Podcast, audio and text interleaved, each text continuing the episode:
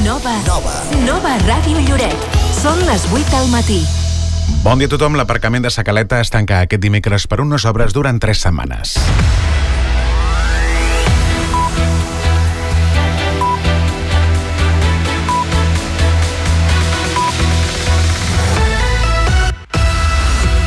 Així s'ha anunciat en el ple d'aquest dilluns. L'aparcament de Sacaleta es tanca a partir de demà 1 de març. El motiu són les obres de renovació d'enllumenat del passeig marítim. Segons fons municipals, aquest aparcament ha funcionat com a zona verda al llarg d'aquest hivern per primera vegada. Un cop reobri l'equipament de Sacaleta ho farà com a aparcament controlat de rotació amb barrera. Ara en donarem més detalls pel que fa als portaveus municipals a qui entrevistarem en una estona. Els preguntarem també sobre transport sostenible. En concret, pel fet que l'Ajuntament instarà la Generalitat que estudi la incorporació de Lloret de Mar a la xarxa xarxa tarifària integrada del transport de Girona i Barcelona. És el nostre tema de portada d'avui dimarts 28 de febrer. Molt bon dia a tothom, benvinguts al Bon Dia Bona Hora. Per saber què més tenim preparat per avui, donem pas a altres titulars, com per exemple que en plana de successos detenen un jove per apunyalar dos nois a l'exterior d'una discoteca de Lloret de Mar. El bàsquet de Lloret ha celebrat aquest cap de setmana la gala de presentació de totes les seves categories. L'Ajuntament i el Cap de Lloret organitzen aquest dimecres una jornada sobre alimentació per a lactants i l'associació Força AME fa una crida per aconseguir els vots necessaris que permetin guanyar els 2.500 euros del projecte solidari La Voz del Paciente. I fins a quin punt influeixen les emocions en el nostre pes, en la relació entre nutrició i emocions, i donarà resposta a la coach en gestió emocional i la PNL, la programació neurolingüística Joana Coll. Serà una xerrada gratuïta aquest dijous. Com sempre, també repassarem els titulars del dia, les portades dels diaris i sabrem també quina és la previsió del temps. Donem pas a una nova edició del Bon Dia Bona Hora que avui fem possible amb Rosa Giral, Mar Diva, Moisés Garcia i qui us parla, Eduard Lanzas. Bon dia, bona hora. De dilluns a divendres, de 8 a 9 del matí.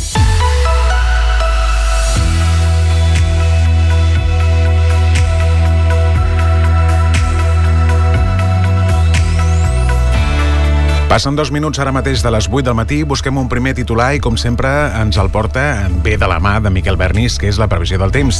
Miquel, molt bon dia. Bon dia, déu nhi el canvi en l'ambient aquesta matinada. Ha entrat amb força el vent de tramuntana, una tramuntana gregalada que ha provocat ratxes de fins a 75 km per hora que comencen a debilitar-se ja, a acabar de baixa i que ha provocat també una pujada clara de la temperatura, fins a 5 graus més que no pas ahir a primera hora a causa d'aquest vent que ha anat fent marxar també l'aire més fred. Avui esperem que la màxima també sigui més alta que no pas ahir. S'allunyarà aquest fred tan, tan cru que vam tenir aquest dilluns, tot i que encara el dia serà força tapat o com a mínim variable i mig ennublat, amb estones amb núvols, estones amb més clarianes. El vent anirà de baixa amb el pas de les hores. Hem d'esperar que a poc a poc vagi disminuint i que clarament sigui a les últimes últimes hores del dia quan ja tendeixi pràcticament a desaparèixer. Per tant, no serà una tònica tampoc dels pròxims dies. A poc a poc, per tant, la borrasca que teníem situada a l'est de les Balears es va allunyant, s'anirà eh, dissipant i, per tant, els seus efectes aniran deixant-se de sentir. No és descartable que avui encara puguem tenir algun ruixat de neu en cotes molt baixes, però ja serien, en tot cas, precipitacions molt aïllades, molt testimonials i que passarien ràpid. De cara a demà, obertura de més clarianes, el sol començarà a guanyar protagonisme d'una forma més clara, però la temperatura encara es mantindrà molt baixa. De fet, pot ser fins i tot una mica més baixa que la d'aquest dimarts seria a partir de divendres i de cara al cap de setmana quan hem d'esperar que els termòmetres ja es vagin enfilant més i cada cop anem tenint un ambient més normal per l'època, però de moment li costarà de remuntar el termòmetre i cal tenir en compte que tindrem unes quantes nits com a mínim fins al final del cap de setmana amb temperatures eh, mínimes que arribaran als 4 o 5 graus i per tant amb un fred viu, un fred destacable a primeres hores. El sol cada cop més protagonista, com més avanci la setmana, no hi ha opcions de noves pluges durant la resta de la setmana, com a molt dijous podem esperar un més tapat i amb alguna gota puntual. Gràcies, Miquel Bernis, per aquest primer titular, per aquesta primera aproximació pel que fa a la previsió del temps. Ara mateix tenim una temperatura de 7 graus a l'exterior dels nostres estudis i una humitat bastant, bastant a ratlles, 57%.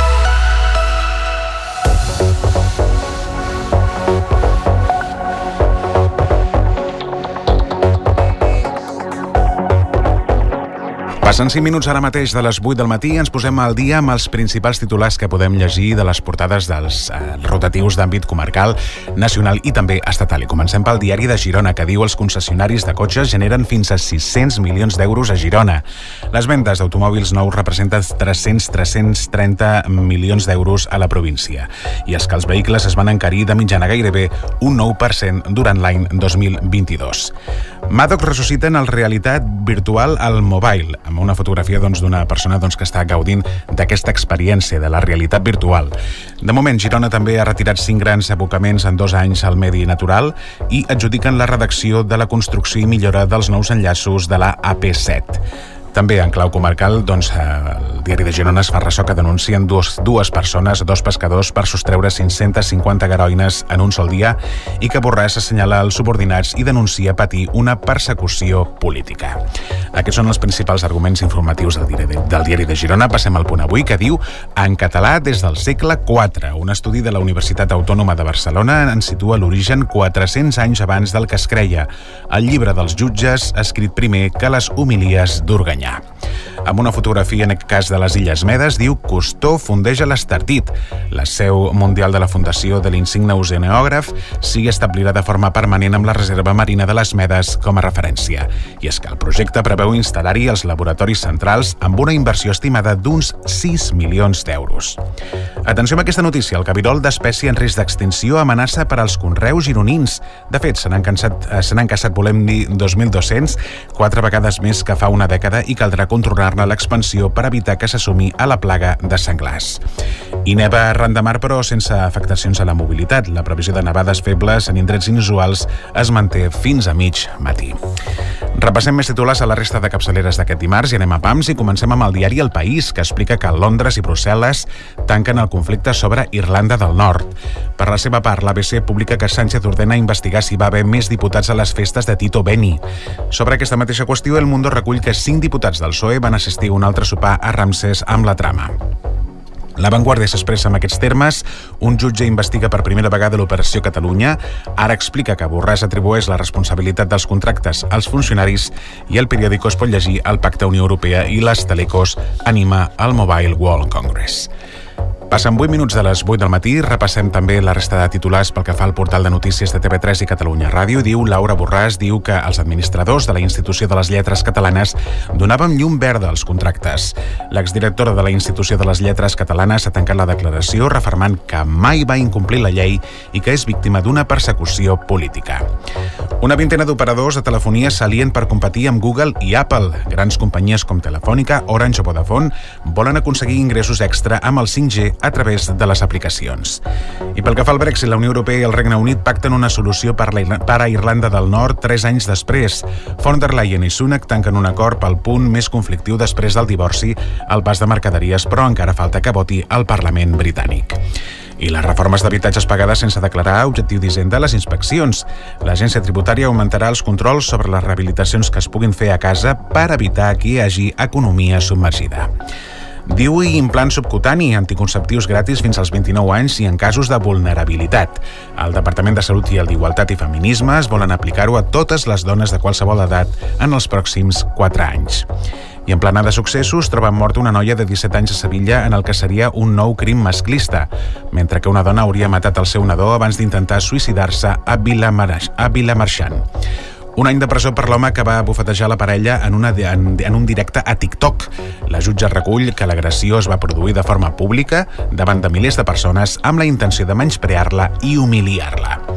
I un entrenador de patinatge reconeix haver abusat de 7 menors, però no anirà a la presó. L'han condemnat a 14 anys de presó, però la pena s'ha suspès després d'un acord entre la Fiscalia i la Defensa.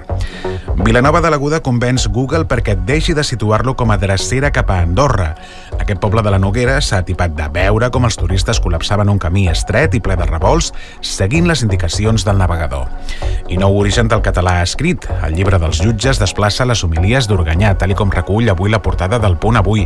Els investigadors Jesús Alturo i Tània Alaix plantegen que el test escrit més antic és el llibre dels jutges, que conserva l'arxiu diocesà de la Seu d'Urgell. I en esports, evidentment, Alexia Putelles, senzillament de best. La capitana del Barça revalida el Premi de la FIFA, la millor futbolista del món 2000, del, 2000, del 2022, el millor estímul per encarar el tram decisiu de la seva recuperació. Aquestes són les principals notícies que hem de tenir en compte a l'hora de despertar-nos en aquest dimarts 28 de febrer de 2023. Fem ara una petita pausa per la publicitat i de seguida desgranem els continguts que us hem avançat en el sumari del Bon Dia Bon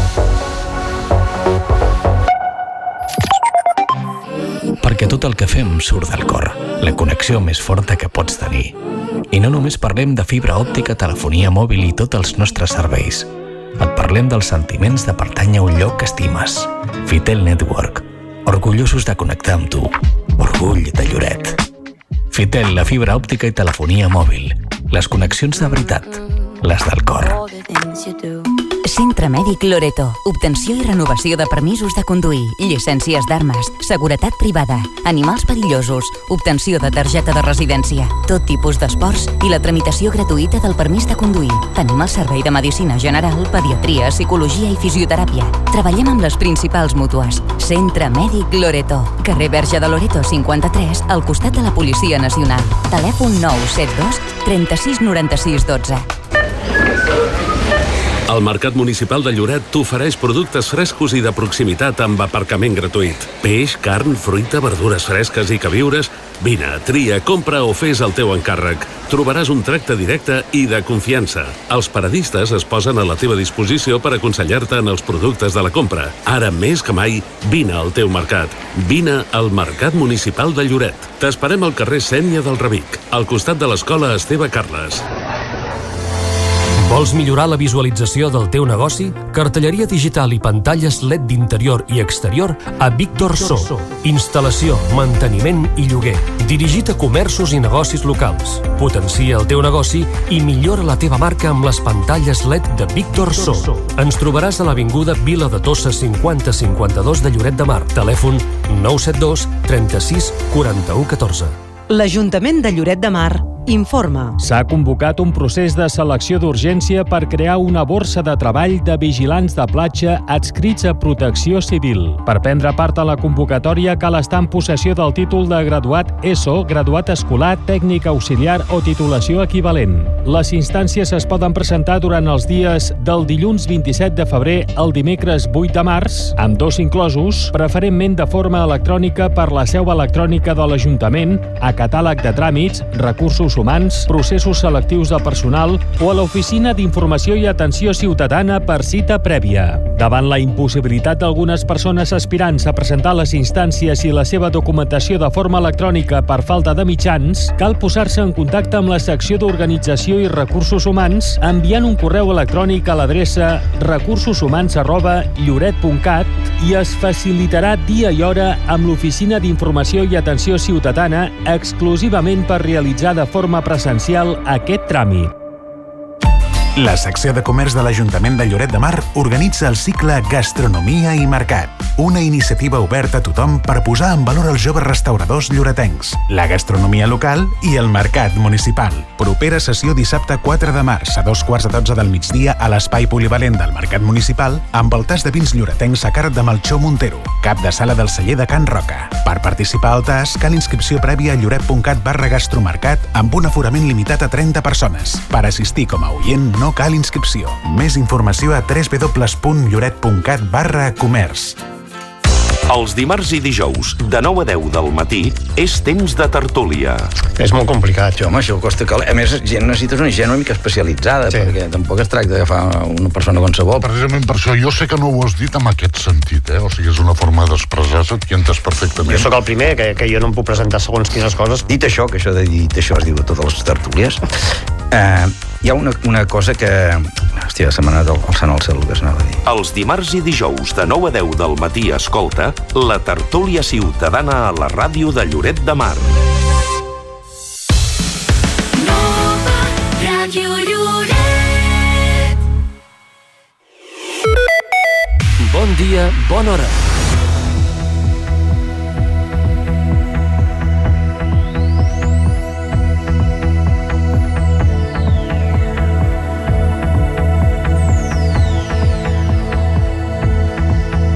Pràcticament és un quart de nou del matí. Saludem la Rosa Giral. Bon dia, Rosa. Molt bon dia, Eduard. Bon dia a tothom. Abans de donar pas en el resum del ple i a la ronda de portaveus municipals, hem d'explicar un succés. Els Mossos d'Esquadra han detingut un jove de 25 anys per apunyalar dos nois en una discoteca de Lloret de Mar. Per reduir-lo, la policia va haver de fer ús de la pistola elèctrica perquè l'agressor estava molt alterat. Els fets van passar aquest dissabte a la matinada al carrer de Sant Lluc. Segons avançat el caso.cat, els vigilants de seguretat d'un dels locals d'oci van trucar al 112 alertant que hi havia una baralla amb armes blanques. Eren quarts de 5 de la nit. Quan van veure arribar la policia, el sospitós va pujar al cotxe i va fugir, conduint en contradirecció fins que va xocar contra un arbre i el van poder reduir. Se l'acusa de lesions i de tentativa d'homicidi. Les víctimes van rebre ganivetades a diferents parts del cos i van necessitar ser traslladades a l'Hospital de Blanes i al Trueta de Girona. Un dels joves ja va rebre l'alta al cap de poques hores i l'altre continua ingressat, tot i que no es tem per la seva vida. Bon dia, bona hora. De dilluns a divendres, de 8 a 9 del matí. Parlem ara del plenari. L'Ajuntament instarà el govern català que estudi la incorporació de Lloret de Mar a la xarxa tarifària integrada del transport de Girona i Barcelona. L'objectiu és unificar els preus dels tiquets i abonaments que paguen els usuaris de la vila. Lloret en no arriba als 50.000 habitants, igual que passa a Blanes, queda fora de les subvencions del transport urbà, urbà i els costos s'encareixen. Això recull la moció aprovada per unanimitat en el ple d'aquest dilluns, la presentada a l'Associació per la Promoció del Transport Públic, la Fundació Mobilitat Sostenible i Segura i també SOS Lloret. Escoltem un representant que és l'Àngel Aguilera. El sistema tarifari integrat permetrà per al municipi de Lloret que la ciutadania pugui, en un mateix títol de transport, poder agafar el, tots els mitjans, modes de transport que vulgui. Agafar el bus urbà i el de Lloret i de Lloret desplaçar-se fins a la ciutat de Girona o, o els modes de transport que vulgui. Aquest um, sistema tarifari està subvencionat per la Generalitat de Catalunya i permetrà doncs, una subvenció per a l'usuari com per a l'operador de transport públic. En el plenari també s'ha anunciat que l'aparcament de Sacaleta es tanca a partir d'aquest dimecres, primer, primer de març, i es tanca per un període de 3 setmanes.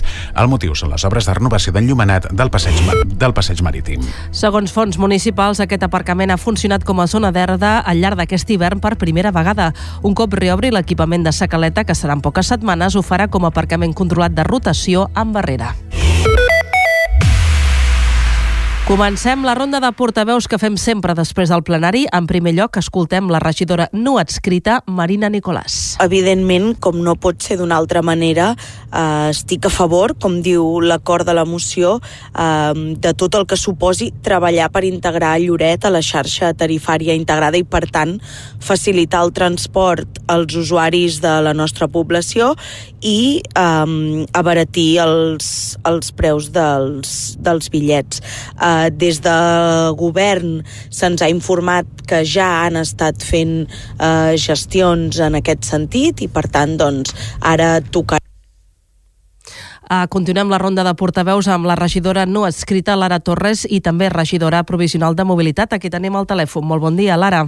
Hola, molt bon dia, Rosa. Uh, la moció aprovada sobre mobilitat sostenible, què és el que recull exactament? Bueno, recull instar la Generalitat a eh, passar a formar part de, de l'ATM de Barcelona i l'ATM de Girona. Uh, bueno, creiem que és una bona proposta. Nosaltres prèviament uh, ja portàvem temps treballant i bueno, hem fet diferents gestions tant amb el que fa la Conselleria de Territori, que és la que s'encarrega de tot això, com amb la AMTU, que és l'associació que, ens, bueno, que tenim que ens assessora, assessora sobre la mobilitat i el transport urbà, uh, per veure què hauríem de fer. A nosaltres, com a consistori, ens agradaria poder formar part uh, de les dues ATMs perquè creiem que globalment beneficia la ciutadania uh, amb el sistema tarifari integrat però sembla ser que d'entrada, mm, si no es fan algunes accions prèvies, només podrem formar part de la tema de Girona. Uh -huh. uh, la idea en general, uh, doncs, uh, Lara, és que una persona uh, es compri un sol bitllet de bus i pugui anar a diferents indrets, és així? Uh, la idea és que amb, amb un mateix bitllet tu puguis venir de Barcelona uh, sense haver de comprar, quan arribes a Blanes, un segon bitllet. Això sembla ser que d'entrada està difícil perquè uh, nosaltres, al no tenir un transport uh, uh, com, era el cas de Blanes o Massanes, que era el cas del tren, doncs ens, ens ho fa una mica més complicat, però per això ja hem començat a treballar amb la línia de mancomunar serveis amb l'ANAS, que és una, una fantàstica proposta, que això sí que ens permetria llavors formar part de la tema de Barcelona. I uh, pregunta per, per, per saber exactament eh, què, és, uh, com, què és el que recull tota aquesta proposta, aquesta moció. La idea és també incloure el, el bitllet de bus de Lloret de Mar, és a dir, a l'intern, per entendre'ns? O, o no, això? Sí, sí, sí, clar, si s'integra, s'integra tot. L'únic que, bueno, crec que no serà de forma immediata perquè eh, com Lloret actualment tenim el transport eh, interurbà com el tenim i les connexions amb l'exterior doncs, bueno, hi ha molta feina a fer amb la Generalitat i amb altres administracions perquè recordem com que, per exemple, eh, la, la R1 eh, és una línia que no només de, depèn de la Generalitat sinó que de l'Estat eh, eh, bueno, fins que tot això ha d'anar en paral·lel no? El, a formar part de la tema amb la millora del transport al municipi. Uh -huh. I, uh, Lara, a banda de, doncs, uh, del tema del ple, te volem preguntar per l'aparcament de Sacaleta. Demà tanca no? per, per les obres del passeig, oi? Sí, uh, normalment nosaltres obríem l'aparcament de Sacaleta l'1 de març. Aquest any, uh, fins a darrera hora, pensàvem que ho podríem fer, però finalment hem vist que, que eren molt forçats, ja que l'empresa que està fent les obres del passeig ja fa dies que té totes unes rases obertes al, a l'aparcament, a més a més ho, ho utilitza de, de, com de magatzem de material i en els propers dies ha de fer unes rases més grans, no? Aleshores, finalment vam decidir que, bueno, que fessin les obres ben fetes, que quan acabin aquestes obres pintarem tot l'aparcament una altra vegada i, per tant, um, ens diuen que durant dues, tres setmanes màxim um, el mantindrem tancat el que sí que volem agafar el compromís de que per Setmana Santa l'aparcament estarà obert. Lara, uh, quan reobri aquest aparcament serà, de, serà normal, per entendre's, ja no serà zona verda, oi? Sí, serà un aparcament com ha vingut sent fins ara, per diversos motius. Uh, una decisió com aquesta és una decisió que, que s'ha de prendre amb temps, ja que, bueno, com vaig explicar ja en el ple, aquest aparcament ens dona un, un nivell d'ingressos que estan contemplats en el, en el pressupost d'enguany i que en aquests moments no estem en condicions de fer alguna modificació de crèdit de majors ingressos. També per altres motius, perquè eh, creiem que, que Lloret en, ja vam fer una gran aposta pintant tot de verd el nucli antic amb exclusivitat per la gent resident de Lloret o, sigui, o la gent que té el distintiu de la zona verda sense pagar i també perquè la tendència va amb que hem de treure uh, cotxes del passeig. No? El 2025 estarem obligats a fer una zona de baixes emissions i, per tant, la gent no podrà anar fins a la primera línia de mar amb el cotxe. Doncs en recollim tota aquesta informació i, evidentment, agraïm aquesta entrevista en directe amb la ràdio de Lloret Mar en aquesta hora del matí. Lara Torres, gràcies i molt bon dia. Gràcies a vosaltres, bon dia. Després d'escoltar la regidora Lara Torres, el que fem és donar pas a Lluïsa Baltrons, de Força Lloret. Bé, nosaltres abans de res hem, hem agraït a les entitats proposants que, que hagin presentat aquesta moció fent ús de la participació ciutadana que, que brinda el ROM que es va aprovar a l'Ajuntament de Lloret de Mar fa uns mesos. Uh, aquesta moció, eh, en l'apartat del, dels acords, tan sols demana estudiar la possibilitat d'incorporar Lloret de Mar a la, a la xarxa mm, tarifada, tarifada integrada del, del sistema de transport. Uh, això vol dir doncs, que això suposaria eh, un abaratiment del cost de, del transport per la gent de Lloret eh, integrar Lloret dins de tota aquesta xarxa viària doncs, que facilitaria també doncs, el, el, que la gent utilitzi més el transport públic, bueno, en definitiva, que tot el que veiem són avantatges. Uh, són les paraules de Lluïsa Baltrons de Força Lloret. Seguim amb més portaveus, en aquest cas és Miguel Gràcia de Lloret en Comú. El tenim al telèfon. Molt bon dia, Miguel. Molt bon dia. Per què heu donat suport a la moció per al transport sostenible? En primer lloc perquè estaven totalment totalment d'acord amb, la, amb les demandes de, de les associacions que van exposar la moció. Hem de tenir en compte que Lloret és el municipi de més de 30.000 habitants, l'únic municipi de Catalunya que no té l'arribada del, del tren i que té una, una xarxa de transport o unes connexions de transport públic molt, molt i molt deficients, com podem veure. Per tant, eh, aquesta iniciativa d'adherir-nos a l'ATM, tant de Barcelona com de Girona, eh, és molt positiva pel, pel nostre municipi.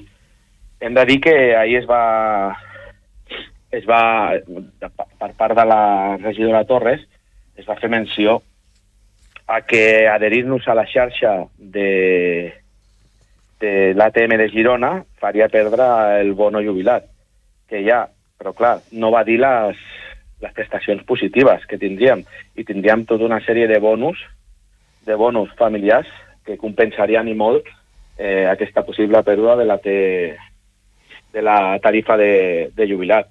Per tant, eh, creiem que és molt necessari, creiem que el nostre municipi en temes de mobilitat està molt endarrerit, hi ha una aposta clara, hi ha hagut, hi ha hagut durant els anys, per part equips de govern, una aposta clara per l'arribada del vehicle privat, han apostat clarament per la per l'autopista, per l'arribada de l'autopista, quan era un projecte eh, caduc, un projecte antic, que a més a més destrossava tot el nostre patrimoni natural i cultural. Com hem vist, la Generalitat, bueno, els jutges han parat, a, han parat aquesta obra, la Generalitat ha dit que no recorrirà la sentència judicial, eh, i ara i ara s'han de fer apostes per, pel futur. I crec que una de les apostes pel futur és, en primer lloc, eh, adherir-nos tant a l'ATM de, de Barcelona com Girona, i després una aposta forta per l'arribada del ferrocarril al nostre municipi per tal de que el, de que el transport públic doni un, un salt endavant, perquè eliminar el cotxe de la nit al dia és molt difícil. Hem de tenir alternatives, i una de les alternatives és, és apostar pel, pel transport públic. Doncs en recollim aquest posicionament de Lloret en Comú. Miguel Gràcia, el seu portaveu i regidor, moltes gràcies per atendre'ns. Gràcies a vosaltres. Hem parlat doncs, amb els comuns, el que fem ara és parlar amb el Partit Socialista i en concret amb Francisco Pastor. Aquí tenim el telèfon. Molt bon dia, Francisco. Hola, bon dia. Uh, per què heu donat suport a la moció per al transport sostenible? Perquè creiem que és una assignatura pendent que té, que té Lloret. Uh, hem deixat de ser un poble fa temps, som, som una ciutat uh, per volum uh, i, i, i realment tenim, tenim un problema greu de connexió uh, amb l'exterior. Uh, hem, hem, hem sigut un, una ciutat que ens hem mirat molt uh, i hem depen, depenent molt de, del turisme, uh, que això en realitat no hauria de ser una cosa dolenta, sempre i quan eh, tinguem altres alternatives. I el problema és que a l'estat tan mal comunicat eh, estem abocats a dependre únic i exclusivament de, dels turistes que venen de fora i que venen amb el seu cotxe. Per tant, aquí tenim un, un problema greu i, per tant, nosaltres hem donat suport perquè creiem que és un, un avanç necessari eh, integrar-nos dintre de la zona tarifària, tant de Barcelona com Girona. Estem situats en una zona uh, intermitja, que podria ser una gran avantatge estratègicament tenir uh, pràcticament a la mateixa distància Girona que Barcelona, i el que hem vist els darrers anys és de tot el contrari, que hem quedat aïllats uh, i que estem en terra de ningú. I, per tant, uh, una de les maneres que tenim d'apropar-nos a aquestes dues uh, grans zones, uh, tant la de Barcelona com la de Girona, és a través de, del transport públic. Hem d'abandonar el model del vehicle privat, i això necessita compromís eh, i per part dels ciutadans, però sobretot eh, compromís, decisions i inversions per part de les administracions. I el que vam votar ahir crec que és un pas per, per fer realitat eh, aquest, aquest apolprament de Lloret eh, a les grans àrees. El que necessitem és que no només siguin eh, paraules i votacions al ple, sinó que això es tradueixi eh, en decisions i inversions i que arribin aviat perquè és el que necessita la ciutat de Lloret. Doncs en recollim aquest posicionament del Partit Socialista de Lloret de Mar i en concret amb Francisco Pastor. Francisco, moltes gràcies i molt bon dia. Moltes gràcies, bon dia. Seguim ara amb Ciutadans. Tenim al telèfon el portaveu del grup municipal, que és Jordi Hernández. Molt bon dia, Jordi. Hola, bon dia. Perquè heu donat, els, eh, heu donat suport, volem dir, a la moció per al transport sostenible. Pues bien, es una reclamación que no es nueva. Nosotros ya hace años, antes de la, de la pandemia, incluso nos hemos reunido con, lo, con, la, con la pla- plataforma que, que lo pedía y es una, una petición eh, incluir Lloret de Mar en la TM de Gerona y de, y de Barcelona creemos que es, prácticamente obligado. Eh, todos sabemos cuáles son las conexiones de transporte interurbano que tenemos en Lloret de Mar y hay que mejorarlo. Está claro que, hay que trabajar en ello y exigirle a la Generalitat que, lo mejore. Es, eh, ir en transporte interurbano y de transporte público a Barcelona pues, o a Gerona pues es, caro y hay muchos mucha gente que tiene ne- necesidad ya, ya no solo por motivos ecológicos que dentro de poco se nos va a obligar sino sino simplemente por, por motivos económicos. No todo el mundo dispone de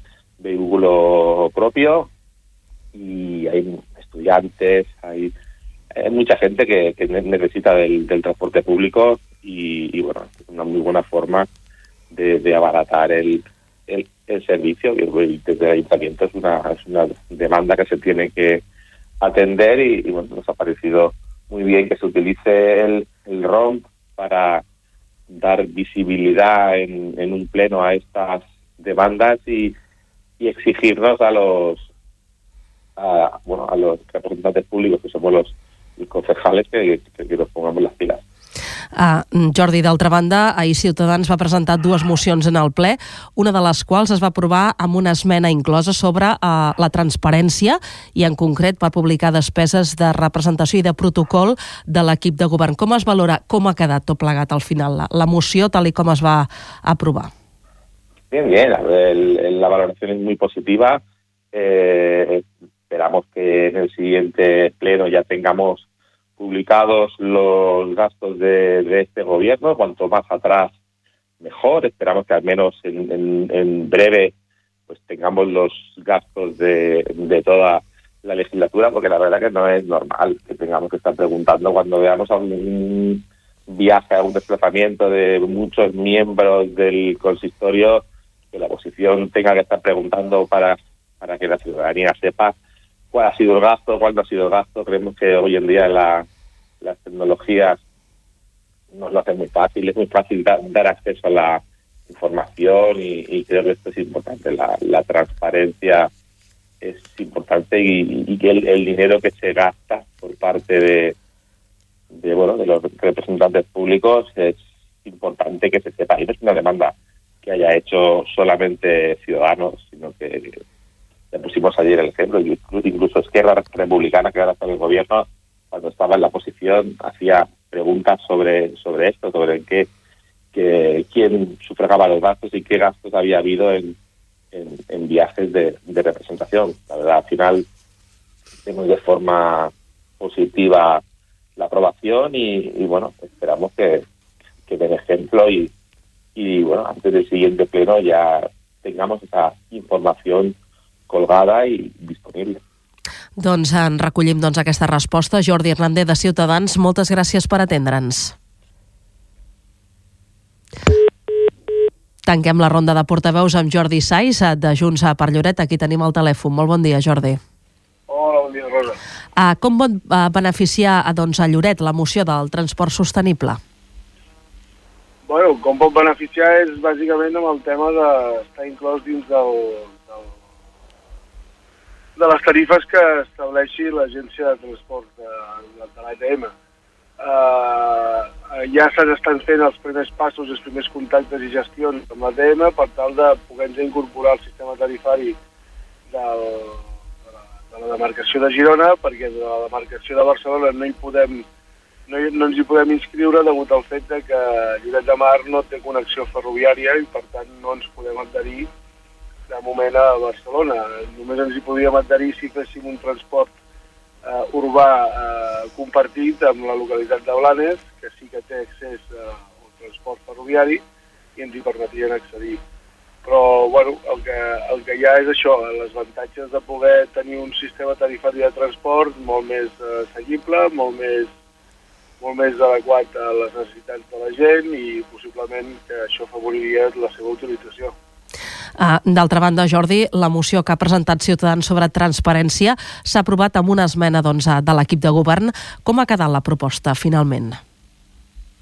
Bé, el que, el que nosaltres enteníem amb, i que proposàvem amb l'esmena és que dins de, dins de la normativa que regula tots els aspectes que determinen com ha de ser transparent una administració pública, s'estableix quins passos has de seguir i l'Ajuntament de Lloret a dia d'avui els està seguint absolutament tots. És a dir, eh, tenim un codi ètic i de bon govern que es va aprovar el 2020, tenim una comissió d'ètica que la vam eh, aprovar aquest any eh, passat 2022 i tots els ítems de transparència que es van determinant es van, es van, es van seguint i es van publicant. Eh, sabem de la fiscalització i de, i de, la, i de les ganes que tenen els, els membres, de, sobretot del portaveu i el senyor González de Ciutadans, l'obsessió que té amb la despesa pública, eh, es pensa que sempre nosaltres o l'equip de govern el que fa és una injustificació de les despeses, però sempre que ens han demanat justificar les despeses han vist que són les adequades i que són les que pertoquen i que no hi ha una despesa excessiva a la representació que es fa des de l'Ajuntament de Lloret. És més, molts dels viatges que es fan a, alguns, eh, alguns regidors eh, se'ls paguen de les seves butxaques, per exemple, va ser el, el darrer, la darrera vegada que es va anar a Fitur, eh, dos dels regidors que van eh, anar-hi us van pagar del seu, del seu propi, de la seva pròpia butxaca. I l'Ajuntament només va pagar el viatge del conseller delegat de Lloret Futur, que en aquest cas sóc jo, i d'un regidor, perquè l'alcalde el, seu, el seu viatge li va pagar el, la Diputació de Girona al ser el, el vicepresident del Patronat de Turisme Girona Costa Brava. Per tant, tenen aquesta obsessió, es pensen que, que des de l'equip de govern es fa un ús abusiu de les despeses públiques i això no és així. I l'alcalde ahir els hi va explicar ben clarament. Mm, moltes de les despeses que es fan en altres municipis, com per exemple les despeses de transport, de xofer, aquí, aquí a Lloret no existeixen. És a dir, els regidors, molts dels regidors, jo puc parlar per mi mateix, molts dels desplaçaments que faig en nom de l'Ajuntament ni els passo ni els reclamo. Eh, perquè, bueno, doncs, perquè entenc que són despeses petites que no, que no són necessàries i que amb el sou que cobrem doncs els podem assumir. Per tant, eh, ells intenten sempre fer-nos quedar com si fóssim uns, mal, uns malbaratadors del, de l'erari públic, però bueno, sempre hem donat resposta i, i sempre ha quedat ben clar que si una cosa tenim d'aquest equip de govern és, ser transparents i sobretot eh, transparència amb la despesa pública. D'altra banda, Jordi, i canviem totalment de qüestió, com a regidor de Seguretat, et volem preguntar per una detenció que ha tingut lloc aquest cap de setmana. Afecta un jove doncs, per l'apunyalament de dos nois en una discoteca. Sí, malauradament doncs, estem siguent, eh, o estem visquent situacions que Eh, s'havien detectat amb altres espais d'oci de Catalunya que van, que van originar l'inici de l'operació d'ara per part de Mossos d'Esquadra, sobretot en centres d'oci del Vallès. I bé, aquest cap de setmana passat també vam tenir aquest incident que una persona doncs, va entrar en una discoteca i va agredir a dues persones sense motiu aparent, provocant danys de consideració a, a alguns d'ells que van fins i tot necessitar ser ingressats en centres hospitalaris. No? Sabem que les víctimes doncs, eh, estan bé dins de la gravetat del fet, és a dir, la seva vida no corre perill, però sí que va haver-hi moments de certa tensió davant la, la incertesa de l'agressió. La, I el que ens hem de felicitar és de la, doncs això, de la ràpida actuació de la policia local i de, que, que va intervenir i que van poder detenir el presumpte autor, que ja està a disposició judicial i que esperem doncs, que, sigui, que, que passi presó preventiva davant la gravetat dels fets. Doncs recollim tota aquesta informació i, evidentment, agraïm aquesta entrevista en directe amb la ràdio de Lloret Mar. Jordi Saiz, moltes gràcies i molt bon dia. Gràcies a vosaltres, bon dia. Bon dia, bona hora. De dilluns a divendres, de 8 a 9 del matí. Les 8 i 39 minuts.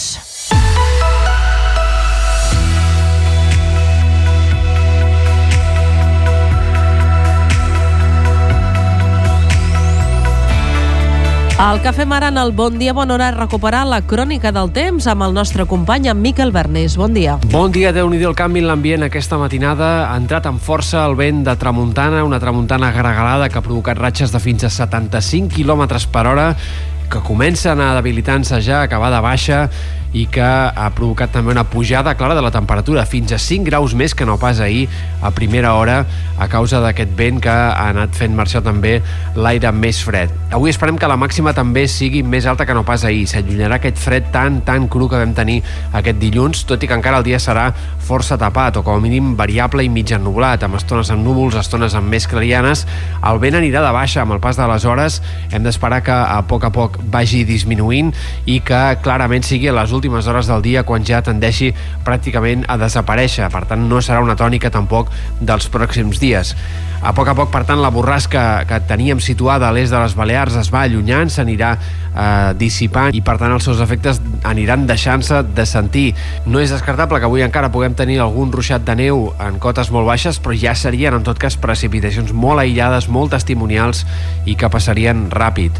De cara a demà, obertura de més clarianes, el sol començarà a guanyar protagonisme d'una forma més clara, però la temperatura encara es mantindrà molt baixa. De fet, pot ser fins i tot una mica més baixa que la d'aquest dimarts seria a partir de divendres i de cara al cap de setmana quan hem d'esperar que els termòmetres ja es vagin enfilant més i cada cop anem tenint un ambient més normal per l'època, però de moment li costarà de remuntar el termòmetre i cal tenir en compte que tindrem unes quantes nits com a mínim fins al final del cap de setmana amb temperatures eh, mínimes que arribaran als 4 o 5 graus i per tant amb un fred viu o un fred destacable a primeres hores.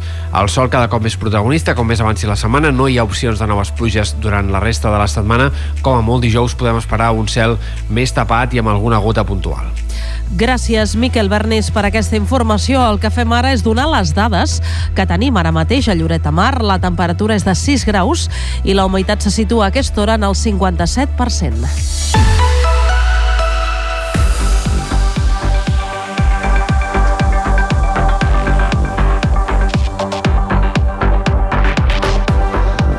Les 8 i 41 minuts del matí, avui és dimarts, és 28 de febrer, últim dia de mes.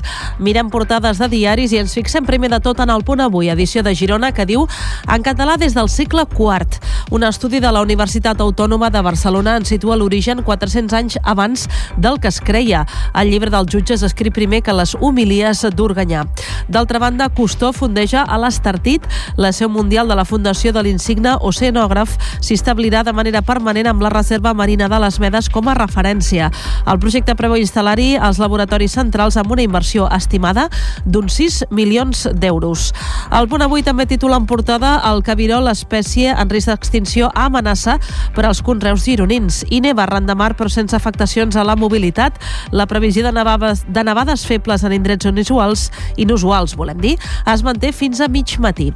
Mirem ara una altra portada, la del diari de Girona, que diu els concessionaris de cotxes generen fins a 600 600 milions d'euros a Girona. Girona ha retirat cinc grans abocaments en dos anys al medi natural. Les actuacions s'han centrat a Vilarroja, Font de la Pólvora, darrere l'Icra i també a Mas Xirgo. D'altra banda, adjudiquen la redacció de la construcció i millora de nous enllaços a l'AP7. El diari de Girona també destaca en portada que denuncien dos pescadors per sostreure 550 gairon, garoines, volem dir, en un sol dia.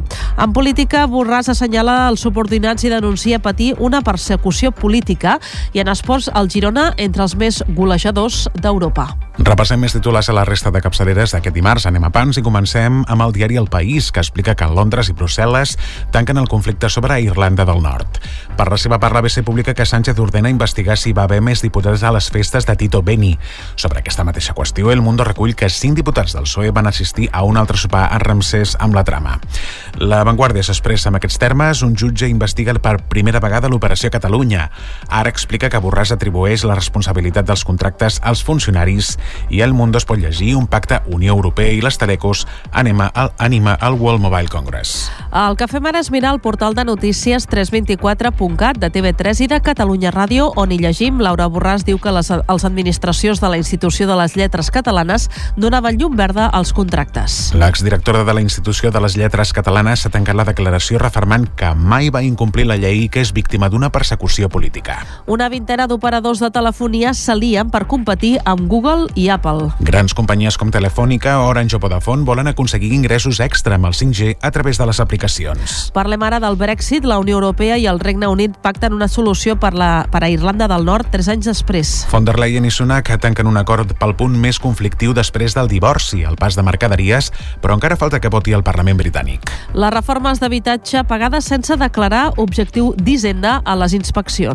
L'agència tributària augmentarà els controls sobre les rehabilitacions que es puguin fer a casa per evitar que hi hagi economia submergida. Diu i implant subcutani anticonceptius gratuïts fins als 29 anys i en casos de vulnerabilitat. El Departament de Salut i el d'Igualtat i Feminismes volen aplicar-ho a totes les dones de qualsevol edat en els pròxims 4 anys. Troben morta una noia de 17 anys a Sevilla en el que seria un nou crim masclista. Mentre que una dona hauria matat el seu nadó abans d'intentar suïcidar-se a Vilamarxant.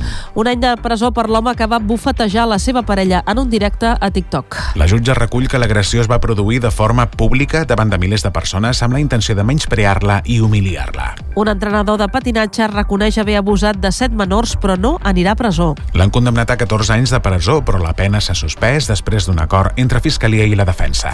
Vilanova de l'Aguda convenç Google perquè deixi de situar-lo com a drecera cap a Andorra. Aquest poble de la Noguera s'ha atipat de veure com els turistes col·lapsen un camí estret i ple de revolts seguint les indicacions del navegador. I nou origen del català escrit al llibre dels jutges desplaça les homilies d'Organyà. Els investigadors Jesús Alturo i Tània Alaix plantegen que el text escrit més antic és el llibre dels jutges, que es conserva a l'Arxiu Diocesà de la Seu d'Urgell. I en esports, Alexia, senzillament de best. La capitana del Barça revalida el premi de la FIFA a la millor futbolista del món del 2022, el millor estímul per encarar la seva decisió i el tram decisiu de la seva recuperació. Els diaris parlen de Lloret. Avui trobem una notícia i dos articles d'opinió que van relacionats d'alguna manera amb Lloret. Ho repassem pas a pas. Comencem amb la notícia. És en el diari de Girona en què llegim el titular. Detenen un jove per apunyalar dos nois a fora d'una discoteca de Lloret de Mar. És una informació que acabem d'explicar fa una estona aquí en el Bon Dia Bona Hora. El que fem ara és mirar al punt, la pàgina 7, en què trobem l'article d'opinió de Maranta Givert, que és la directora del Teatre de Lloret de Mar i també comissària de la capital de la cultura catalana, en què doncs, aquest títol de l'article és Lloret i Cullar molt més que un agermanament. Explica l'article que l'associació Casa de Cullar de Lloret ho celebra cada any, coincidint amb el Dia d'Andalusia. Vaig tenir la sort d'assistir-hi diumenge passat per primera vegada i vaig poder gaudir d'un acte festiu, alegre, conciliador, ple de ganes d'unir i fer més estrets els vincles. Un acte pensat per compartir i gaudir de l'enriquiment mutu. També diu Amaranta Givert en aquest article, ara entenc per què s'ha dit que Catalunya és la novena província d'Andalusia. I encara doncs dins l'àmbit de l'opinió, en aquest cas en el diari de Girona, trobem l'article setmanal que hi publica en Carlos Arbó, titulat L'últim món d'Albano.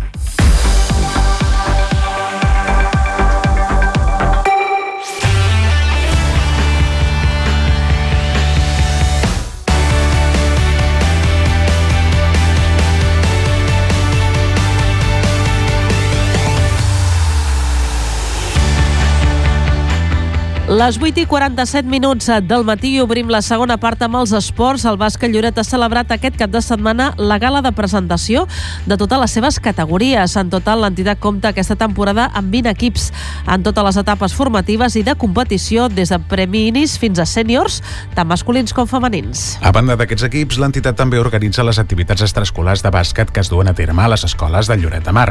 En total, el bàsquet Lloret compta amb més de 300 participants. El president de l'entitat, Jordi Palacín, assegura que el club està creixent i molt. El club, la veritat és que està pujant molt. Mira, tenim 20 equips, 20 equips. Tenim des de tant masculins com femenins, des de la base fins a les categories sèniors. Tenim dos sèniors masculins, tenim un sènior femení. El sènior masculí està a categoria Copa, o sigui, mai havíem estat tan amunt. El femení el tenim a primera catalana, també, eh, des dels preminis fins als sèniors. I llavors hem de tenir en compte que totes les escoles de Lloret, les sis, eh, fan una activitat extraescolar de bàsquet que la organitza el mateix bàsquet Lloret. Un dels aspectes més destacats del club és el gran nombre d'esportistes femenines i és que el bàsquet Lloret compta amb equips eh, femenins també en totes les etapes. El president assenyala que treballen sempre per la igualtat d'oportunitats entre nens i nenes. La meitat del nostre club bàsicament és femení eh, i, i volem mantenir o sigui, el mateix nivell que el masculí. El masculí ens va pujar a primera catalana, vam fer els esforços per pujar el femení a primera catalana, ara el masculí ha pujat a Copa i ens alegraria que el femení pugés a Copa. O sigui, volem igualtat en, en tots els aspectes.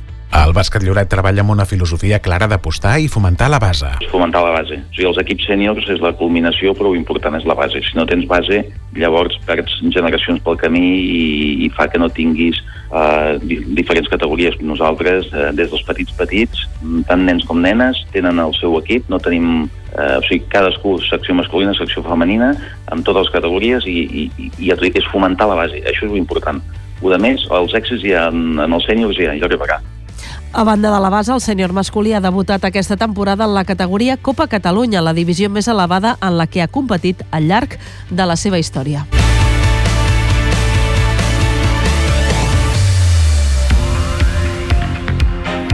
Bon dia, bona hora. De dilluns a divendres, de 8 a 9 del matí. 10 minuts i arribarem a les 9 del matí. L'Ajuntament i el CAP de Lloret organitzen aquest dimecres una jornada sobre alimentació per a lactants. La xerrada servirà per informar i assessorar sobre com s'han d'introduir els aliments a partir dels 6 mesos. La xerrada anirà a càrrec de Roser Ribas, infermera pediàtrica de l'àrea bàsica de salut de Lloret, que explicarà, entre altres qüestions, quins aliments s'han d'introduir, de quina forma cal preparar-los o com saber si el nadó menja prou. En aquesta sessió parlarem de com començar a introduir aliments diferents a la llet als bebès a partir dels 6 mesos. Les preguntes que més habitualment tenen les famílies són, per exemple, quins aliments podem oferir, de quina manera els hauríem de preparar, com sabré si el meu bebè o la meva bebè menja prou, eh, i no hi haurà perill, per exemple, de que s'ennuegui?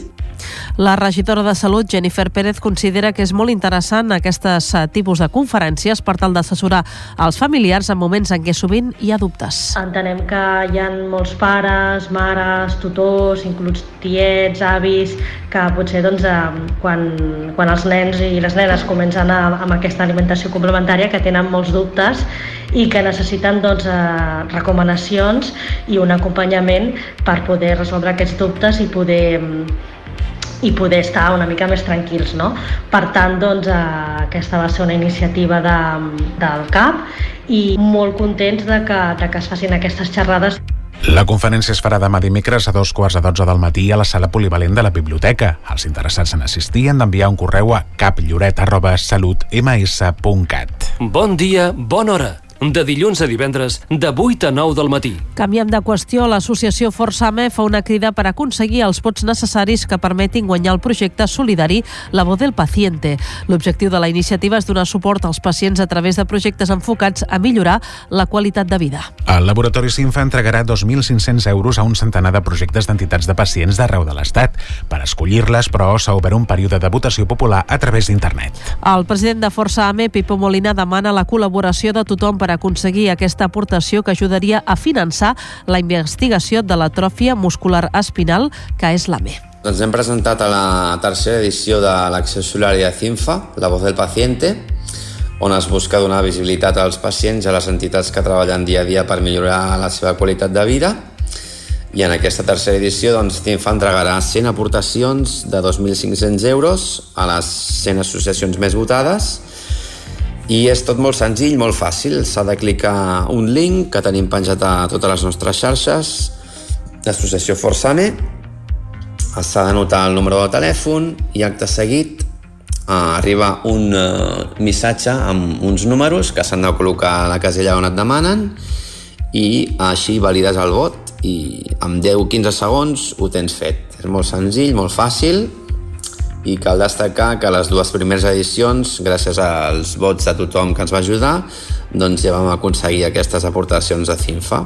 El període de votacions està obert fins al 15 de març. Aquesta és la tercera edició del projecte solidari en què l'associació Lloretenca Força AME ha rebut aportacions en els dos anys anteriors. Bon dia, bona hora. De dilluns a divendres, de 8 a 9 del matí. El que fem ara és plantejar una pregunta fins a quin punt influeixen les emocions en el nostre pes.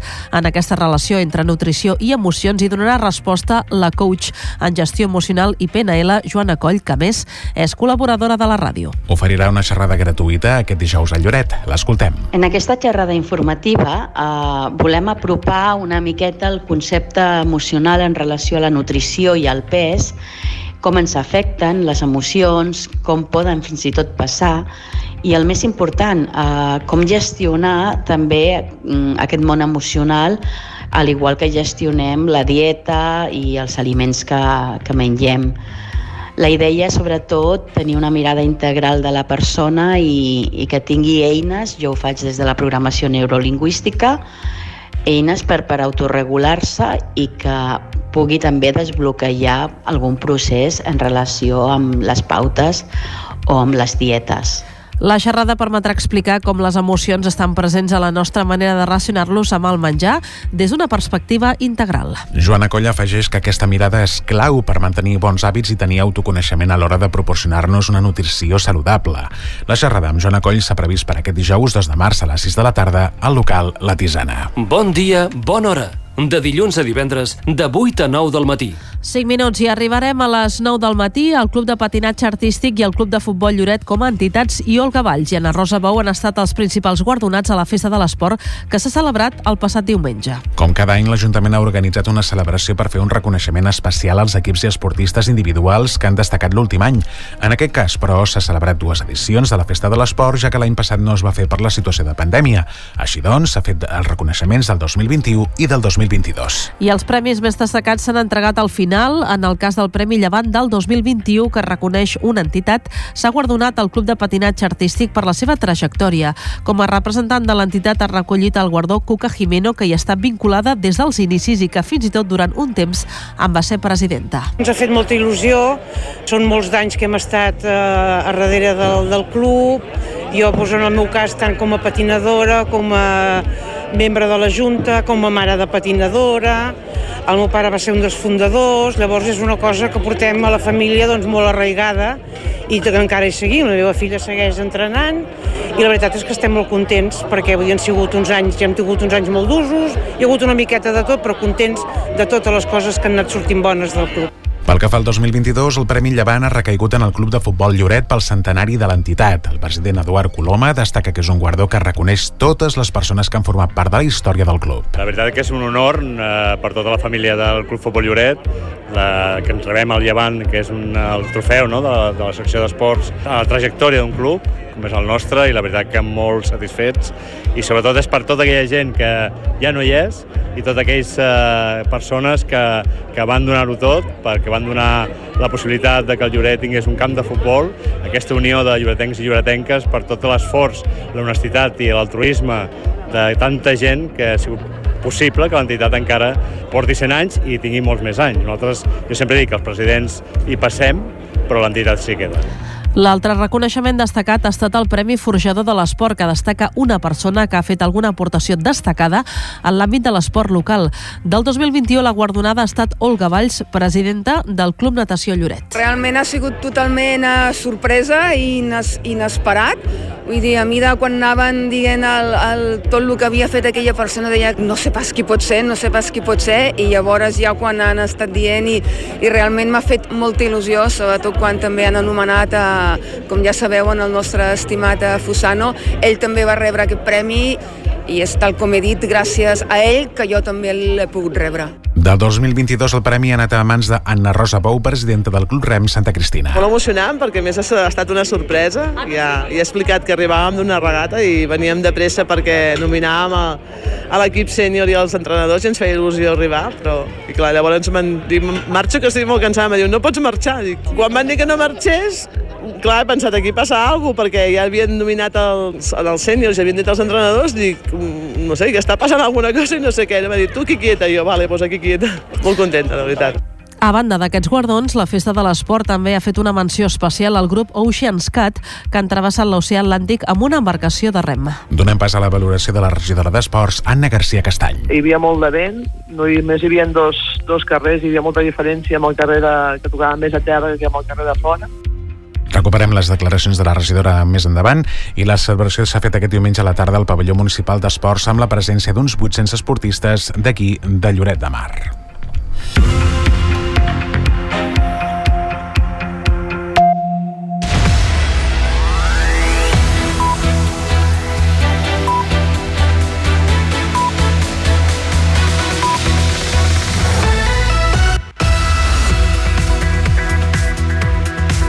El que fem ara quan eh, falta més d'un minut per arribar a les 9 del matí en aquesta recta final del Bon Dia Bona Hora és eh, poder recuperar aquestes declaracions de la regidora Anna García Castany. Va ser una gala molt maca, jo crec que una gala molt, molt digna, en què van donar doncs, uns reconeixements, jo crec que també molt, molt destacats, molt mereixedors, i la veritat doncs, que va anar molt bé, va anar molt bé, jo crec que va sortir tot quadrat, que al final nosaltres teníem els set nervis, perquè amb el canvi de, de fer el, el, el pavelló una altra vegada doncs aquest és el resum que n'ha fet la regidora de la Festa de l'Esport celebrada aquest passat diumenge en el pavelló municipal d'aquí de Lloret Mar. Fins aquí el Bon Dia Bona Hora. Els titulars que hem anat desenvolupant al llarg d'aquest informatiu els anirem ampliant amb butlletins horaris també a la pàgina web de la ràdio o bé a través de les nostres xarxes socials. Les notícies acaben ara i ara a partir de les 9 us deixem amb la tertúlia ciutadana amb el nostre company Josep Altafulla.